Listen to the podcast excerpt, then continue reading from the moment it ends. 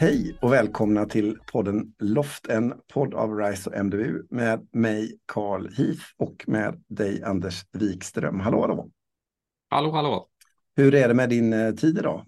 Vaknade du eh, och hade eoner av tid eller har du eh, haft en jäktig dag? Jag har faktiskt haft en ganska jäktig dag idag, men jag har lagt in lite utrymme för reflektion senare under dagen idag. Ja, vad fint. Jag är ju i den eh, positionen idag i min eh, tid att jag känner att jag ligger tio minuter efter hela tiden. Mm. Eh, och jag har inte som du lagt in tid för reflektion. Så jag har ju mycket att lära tänker jag i det här avsnittet som handlar om innovationsledning och planering och tid. Eh, vi gör ju den här podden som en del i kommunledningspartnerskapet LOFT, leda och organisera för förnyelse och transformation. Och det går att läsa mer om partnerskapet på partnerskapetloft.se. Men just det här avsnittet som sagt, det är ju en del av att förstå elementet planering i ett innovationsledningssystem. Och vi har kommit till den punkten, Anders, där vi ska grotta i planering och tid i alla dess dimensioner och former helt enkelt. Mm. Mm.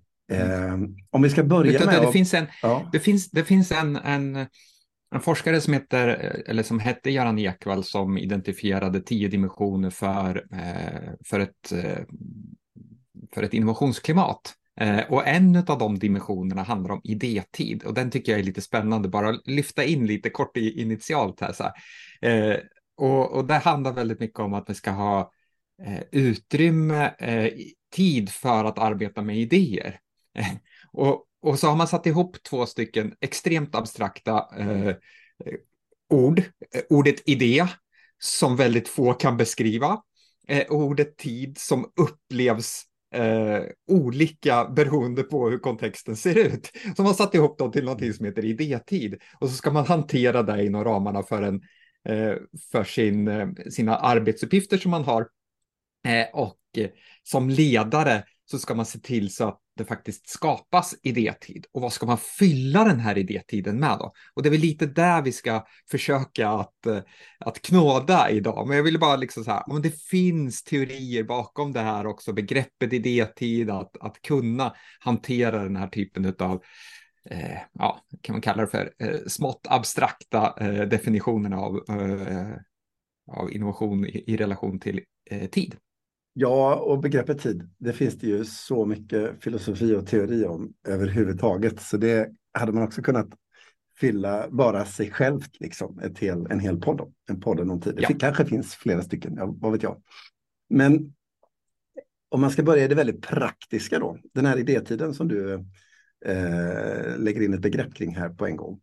Mm. Eh, jag har en eh, stereotyp föreställning om att det där är en typ av tid som väldigt många av oss, mig inkluderad, har svårt att eh, få till helt enkelt. Och när det kommer till eh, innovationsledningssystem eller att göra saker och ting som har en så att säga, något långsiktigare horisont än att städa ett akut problem så är det väldigt lätt att hemfalla till att man säger jag har inte tid. Eller jag önskar att jag hade tid för. Och ja, vad tänker du, vad tänker du om det? Nej, jag har faktiskt varit med i, i organisationer där man har infört tid för att arbeta med idéer strukturerat. Man la fyra timmar i veckan, det är ganska mycket, det är 10 procent av arbetstiden. Eh, så man frigjorde för medarbetarna att arbeta med idéer i form av en idétid.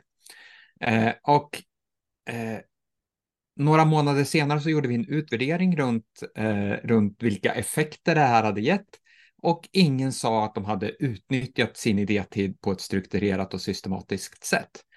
Eh, vilket innebar att eh, bara säga att man har tid att jobba med idéer hjälper inte eh, alla organisationer i att faktiskt åstadkomma eh, innovation utan man måste också rikta den här kraften hos människorna, det vill säga mål, det målsökande måste in här med planera för vad är det för någonting som vi ska nyttja våran idétid till. Ja, liksom hur, att, hur går det till när man gör det helt enkelt? Alltså, ja, men precis. Jag, jag, tänker att metoderna behövs för att liksom få utväxling av den resursen i form av tid som vi lägger in här. Mm. Och har vi inte det det språket där vi faktiskt kan hantera så här, ja men du har lite tid att utforska här.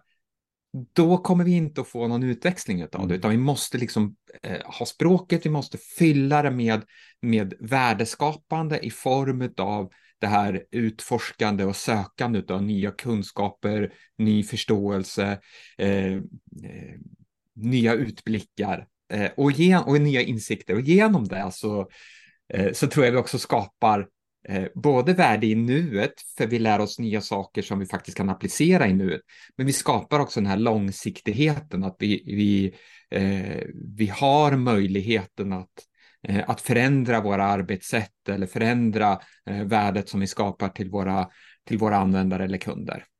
Låt oss bryta ner det här lite grann, tänker jag. Mm, vi har ju en dimension, det handlar ju om att ha tid och att inte ha tid. Det, mm. Och det har vi börjat prata om nu och det tänker jag att vi ska fortsätta lite grann med. Sen har vi ju mm. den här andra aspekten som du då är inne på. Det är ju att när man då har gett sig själv tid eller organisationen har tilldelat tid så behöver den här tiden hanteras på eh, ett omsorgsfullt sätt. Det vill säga vi behöver organisera hur det går till att använda den tiden och ge den tiden någon form av riktning. Mm. Men sen finns det ytterligare dimensioner av det som jag tänker vi kan ytterligare eh, sätta på pausknappen här när vi kommer tillbaka till. Det handlar om till exempel den egna tiden kontra tiden till varandra i skapandet. Eh, alltså hur organiserar vi tiden eh, gemensamt? Eh, och sen har vi då den organisatoriska tiden som jag tänker vi sparar till sist här som handlar om årshjul och eh, mandatperioder och andra tidsstrukturer som tenderar att liksom hacka hål på vardagen. Men mm. om vi börjar i den här ändan med eh, att ha tid och att inte ha tid. Eh, och den frågan jag ställde till dig, ja, om man ska provocera lite grann så kan man säga att att säga jag har inte tid, det är likställt med att säga jag väljer att inte prioritera det här. För någonstans så är ju tid det är den resurs vi har. Den är eh, ändlig och den är pågående. Vi kan inte liksom i den meningen påverka den på det sättet, men vi kan välja att disponera den på olika sätt. Eh, jag kan ha olika mycket förutsättningar att disponera min tid, naturligtvis. Eh, men i en ledarroll när det kommer att organisera ett innovationsledningssystem så är ju tid en av de eh, resurser som jag har förfogande rätt över i någon mening. Det går att välja hur man gör med prioriteringen. Och ett sätt då att säga att vi har inte tid eller jag har inte tid, det är helt enkelt att eh, avsäga sig det ansvar man har över den prioritering man gör som ledare över den kanske viktigaste resursen vi har. Så tänker jag om jag ska vara liksom lite krass. Vad får du för tankar när jag sätter på mig krassheten? Nej, men jag håller helt och hållet, hållet med dig att det är, en, det är en brist på prioritering och en brist på ansvarstagande utifrån ett längre perspektiv om vi inte ger utrymmet i form av tid att faktiskt utforska mm. eh, nya möjligheter. Sen vet jag att det här kommer att eh, det här provocerar ju eh, oerhört mycket tror jag, eh, till exempel eh, inom sådana yrken där vi, där vi är minutsatta i princip och, och där vi har svårt att få till den värdeskapande leverans som vi är ålagda att göra. Eh, men då tänker jag att då finns det andra eh, andra utrymmen i form av tid som man kan ta till då. Eh, alla har sina arbetsplatsträffar eh, som ju är tid där alla, eh, där alla möts och vi kan, eh, vi kan både utsätta oss själva för att ge eller utsätta oss själva. Vi kan ge varandra tid individuellt för att reflektera över vilka behov ser jag i min situation där jag arbetar. Eh, vad innebär det? Och diskutera kortfattat med de som sitter runt bordet på en arbetsplatsträff. Och därigenom så skapar vi faktiskt lite, lite, lite utrymme eh, för utforskandet eh, och för att dokumentera och ta hand om de behoven och de idéerna som eventuellt kan finnas i organisationen. Jag tänker också så, att man får göra skillnad här på liksom den individuella tiden och organisatoriska ja. tiden. Att, att jag som individ inte, om jag inte äger makten över min egen tid, som du var inne mm. på, att eh, mm. jag sitter i ett klockschema på minut och sådär. Nej, då råder jag inte över förutsättningarna kring tiden, utan då blir det en organisatorisk fråga. Men mm. där kan man ju se att det, det, är fortfarande så att organisationen har ett ansvar. Jag tänker till exempel på den här eh, incidenten som hände eh, för en eh, tid sedan när Kalix kommun blev utsatta för ett hackerangrepp och deras IT-system gick ner, vilket gjorde att de inte kunde jobba med minutplaneringen i, i eh, hemtjänsten på det sätt som de hade med tidigare system, utan de fick helt enkelt jobba utan under en process. Och helt plötsligt så fungerade saker och ting så mycket bättre för dem, vilket gjorde att de valde att inte gå tillbaka in i det här minutsystemet om jag har förstått berättelsen rätt, utan det här fick dem att inse att sättet på vilket de hade organiserat sin tidsresurs helt enkelt inte var så effektivt och bra så som de trodde att det skulle vara. Och, och att det finns ju en, även om individen inte har förutsättningen så har vi på organisatorisk nivå betydligt mycket mera möjligheter i att adressera tiden än vad vi kanske ibland tror att vi har. Och det här exemplet du ger med eh, arbetsplatsträffen till exempel eller kollegiemötet i skolan eller vad det kan vara. Jag tycker det är ett utmärkt exempel för det är ett exempel om vi då glider ifrån att ha tid och inte ha tid till vad gör vi med den tid vi har? Alltså mm. hur, vilka metoder eller processer använder vi i våran tid? Ja, då helt plötsligt så väcker det ju nya frågor. Och då tänker jag på den här arbetsplatsträffen till exempel. Det är väldigt vanligt att vi i möten i en offentlig verksamhet inleder möten med att till exempel gå igenom föregående veckas eller månads eh, protokoll. Till exempel, vi lägger alltså den mest värdefulla tiden, det första vi gör i mötet, på att behandla saker som vi redan har behandlat tidigare. Mm. Snarare mm. än att eh, fundera över vad är det viktigaste på det här mötet. Och att jobba med disposition av tid, jobba med hur du planerar eller organiserar ett möte, hur du gör för att få in den här idétiden, ja det är ju ett hantverk av eh, ledarskap. Att vara framåtlutad i sitt ledarskap så att du planerar omständigheterna kring tiden som gör att du kan använda den där lilla tiden som du pekar på liksom, någonstans. och att det blir viktigt att ha med de aspekterna i det hela. Mm. Jag håller helt och hållet med och jag backar lite i, i, i, eh, i, i det du säger här också. att eh, Kan det vara så att vi ibland använder oss av begreppet vi har inte tid i relation till att vi vet inte riktigt hur vi ska arbeta med eh, innovation eller förnyelse eller utforskande eller, eller eh, målsökande. Och då blir liksom eh, kortet vi drar är vi har inte tid-kortet eh, mm. istället för att vi drar kortet eh, vi vet inte riktigt hur vi ska göra för att eh, vi har inte tillräckligt kunskap. och då är det mycket lättare att dra tidkortet för att tid är ett begrepp som alla känner till. Men kunskap är ju eh, någonting som är eh, också personligt. Har inte jag kunskapen så, så blottar jag mig själv och säger att jag Eh, jag kan inte de här sakerna och det är någonting som är ibland farligt i våra organisationer för vi blir nedvärderade och, och tappar lite ansiktet och, och sådana saker. Så att jag tror att det finns liksom mm. flera aspekter av det här med tid. Men rådigheten som du beskriver också är ju extremt central eh, över eh, både den individuella tiden och tiden som vi har tillsammans. Vem, vem äger den? Ja, och jag tänker här också att det finns ganska mycket eh, tid som är dold i den här meningen. Att, eh, ett, ett typexempel på detta tänker jag, det handlar om eh, när vi kommer till jobbet på morgonen till exempel. Eh, vem äger min tid kan man då ställa sig frågan. Ja, om det första jag gör när jag kommer till jobbet är att jag öppnar min inkorg och kollar i mejlen då är ju mejlens programvara designad på ett sådant sätt att jag får det senast inkomna mejlet först i mitt ansikte, det första som händer på morgonen. Det vill säga att jag överlåter planeringen av min egen tid till den som nu råkar ha mejlat mig senast. Det är den vars tanke jag möter först och som jag låter behandla. Snarare än att jag ställer mig själv frågan, vad är det jag vill göra med min tid? Vad är de saker som är viktiga för mig att prioritera idag? Och där kan jag, jag tycker det är ett intressant tankeexperiment att göra som man kan pröva i praktiken och tänka att ja, men vad händer om jag är en sån person som är den som kollar mejlen det första jag gör på morgonen?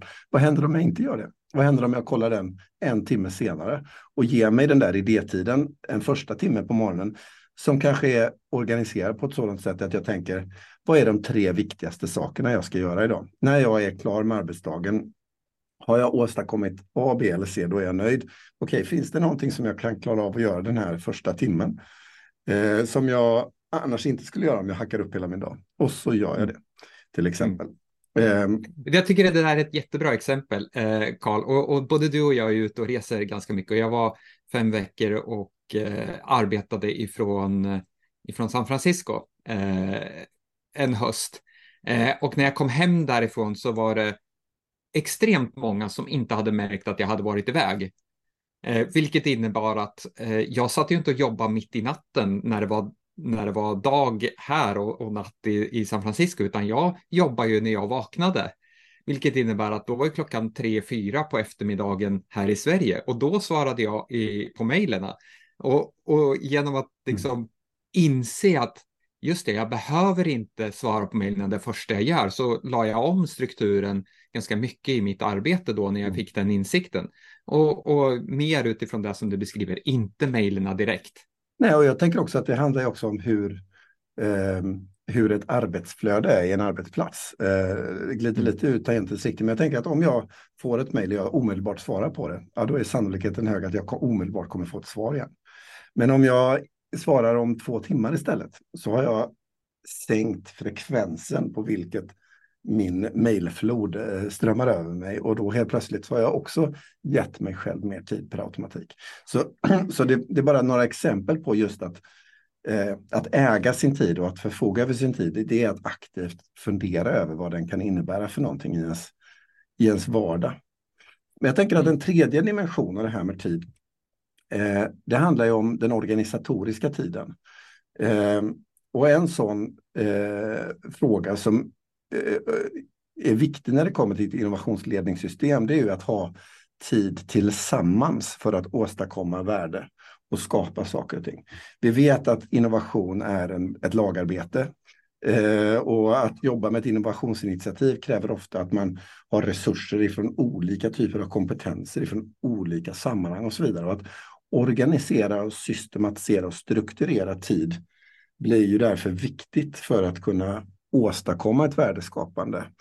Eh, att vi har en liksom regelbundenhet i hur den här typen av arbete går till, men också på själva systemnivå sammanhanget, att vi har en, en frekvens, en regelbundenhet i när vi eh, möter initiativen och tittar på värdeskapandet som är och gör bedömningar och så vidare. Och, och det är väldigt lätt att hemfalla till att de där cyklerna eh, bestäms av andra faktorer än det som kanske är viktigt just för det här innovationslandskapet eller de här initiativen, utan att vi har istället kvartal eller årsbudgetar eller eh, en lång eh, förplanerad eh, planering där i november nästa år så ska vi göra den här saken. Det kanske inte alls är den bästa tiden, men det råkar bara varit så i, i verksamhetsplansarbetet som var en gång då. Så förändras omständigheterna så är man fast i en planering som man kanske inte eh, inte löser ut. Liksom. Vad tänker du Anders om just det här med eh, organisatorisk tid? Tiden att designa omständigheter för människor att kunna jobba på ett sätt som gör att de både kan vara flexibla i tiden men samtidigt få en systematisk förflyttning i saker och ting. Eh, ja, vad, vad, vad tänker jag? Jag tycker att du tänker helt rätt och jag eh, känner också utifrån mina egna erfarenheter i, eh, i organisationer där jag har jobbat hur svårt det är att få till den här gemensamma tiden och mm. hur också hur ytligt det blir när man faktiskt får till den. Därför att man vill trycka in så, så många olika saker när man väl får den här organisatoriska tiden mm. tillsammans. Istället för att låta det vara öppna samtal och utforskande eh, gemensamt så fyller man det med olika typer av eh, presentationer eh, som jag också är en del av naturligtvis. Mm. Eh, man, man trycker in information och man låter allt för lite tid gå till reflektion och och eh, samtal och utforskande.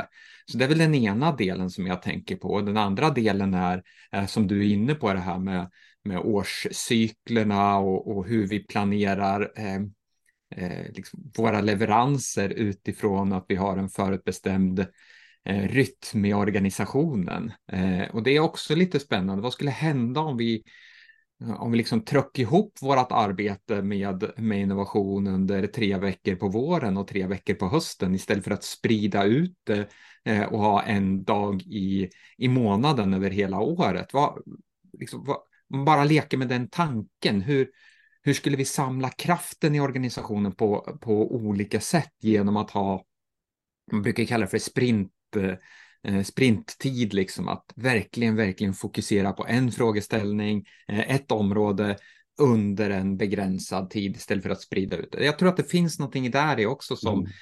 som vi kanske behöver utforska och, och prova på mera eh, i våra organisationer. Och det är ofta så att i den politiskt styrda organisationen så finns det två rytmer som ofta spelar in. Den ena rytmen, den är ekonomistyrningen eh, mm. med eh, årshjulet i dess ekonomi och sånt. Och här pågår det ju väldigt mycket eh, inom ekonomiområdet i att försöka åstadkomma större flexibilitet för att möjliggöra för den här typen av arbete. Till exempel arbetet med att införa rullande kvartal.